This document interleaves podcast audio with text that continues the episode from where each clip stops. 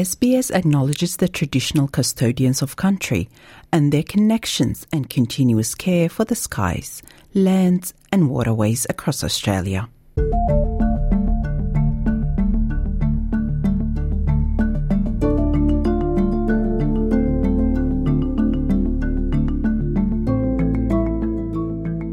Hello, and welcome to this episode of The Settlement Guide, a series where we help you navigate life in Australia.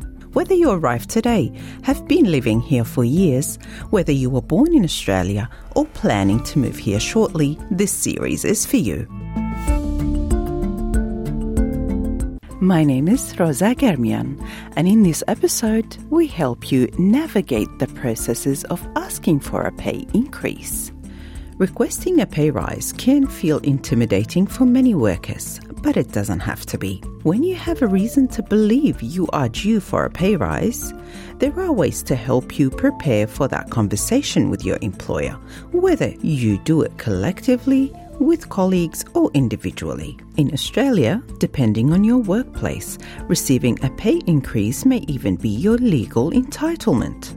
I think it's always important to be well prepared, thinking about what the arguments are. So let's get started. Although rules regarding pay increases vary across workplaces, job contracts typically outline a pay rise timeline as part of an employee's annual performance review.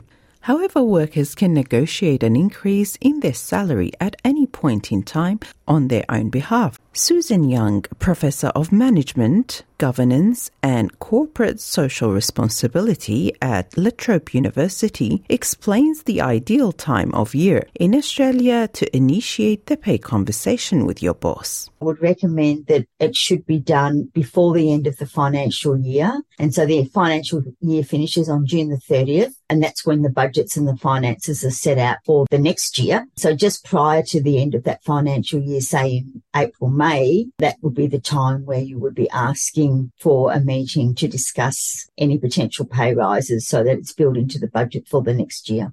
An annual increase in a worker's pay can also be their legal entitlement. Most Australian workplaces are covered by the Fair Work System, a collection of legislation on national workplace protections. These include award rates, which set out legal minimum wages for employees in specific industries and occupations. Employees covered by an award are entitled to annual minimum increases in their pay rate, as decided by the Fair Work Commission following union negotiations.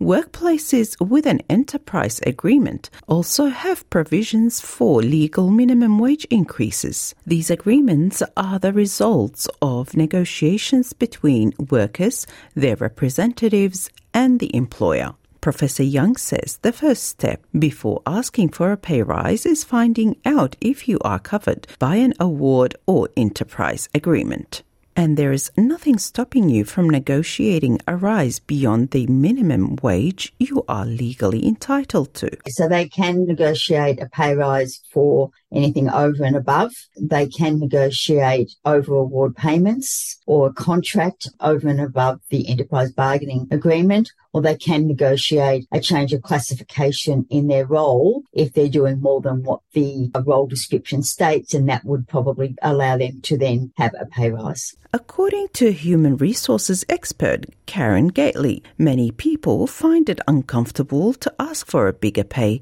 or a promotion. Employees coming from different workplace cultural backgrounds might even perceive it as implied or overstepping the authority of a person in a more senior position. However, she says it is important to speak up when you believe a pay rise is necessary, valid, or earned. Some employers don't want to give people more money, right? And they will say no, but it's not because it's an unreasonable request. If you genuinely deserve more reward for your contribution, then culturally, that's acceptable to ask. The overwhelming majority of people in Australia would say absolutely, and most employers would say that. So there might be exceptions, but know that truth about the Australian workplace culture to help confidence that it is reasonable for you to ask the question. Checking comparable salaries in job sites across your industry network and within your workplace environment is key to getting the right knowledge and leverage to negotiate the pay rise you deserve, Professor Young says.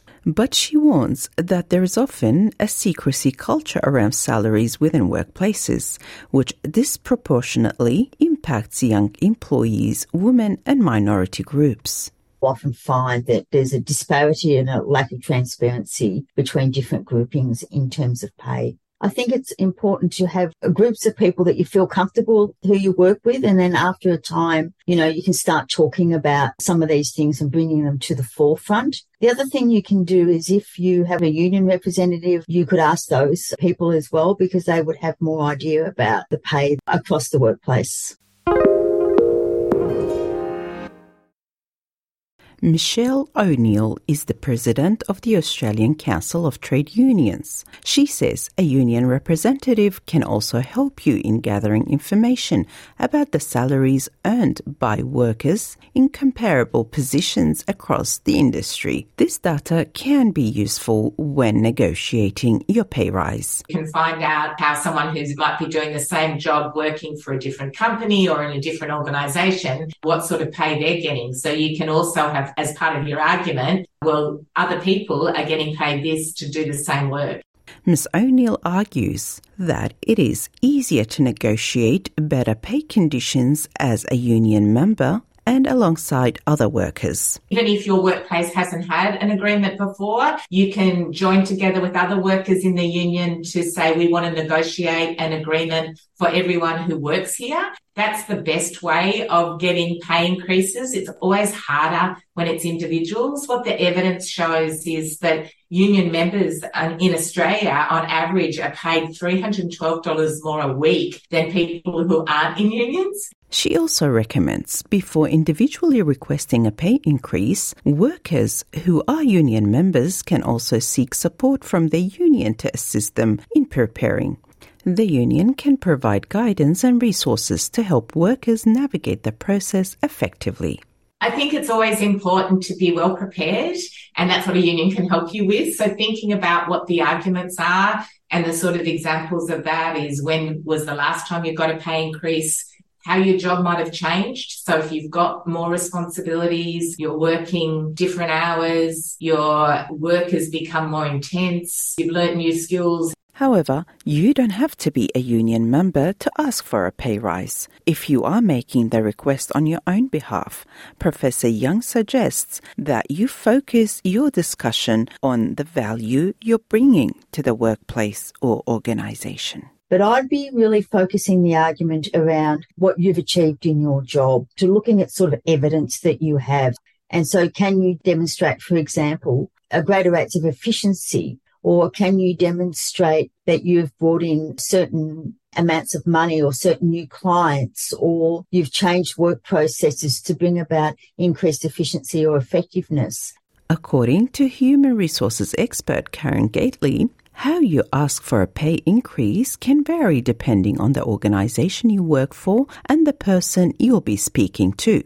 But she says there is no need to overthink the situation. It's always a one to one conversation. And again, it'll depend on the availability of these people that we're talking about. So if you're direct report manager, what's their type of job? You know, if they're sitting in their office routinely, then you might be able to knock on the door and ask whether or not now is a convenient time to have a conversation with them. In other settings, it will be more appropriate to ask to make an appointment to talk to them. And, you know, I think not making it a problematic event in your own mind will really help.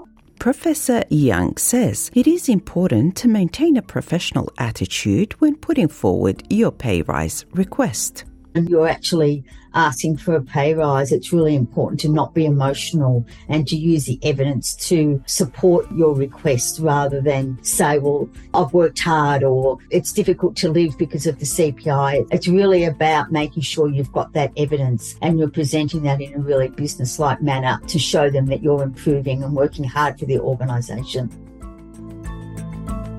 Thank you for listening. This episode of the Settlement Guide was written and produced by Zoe Thomaidou and edited by me, Rosa Germian.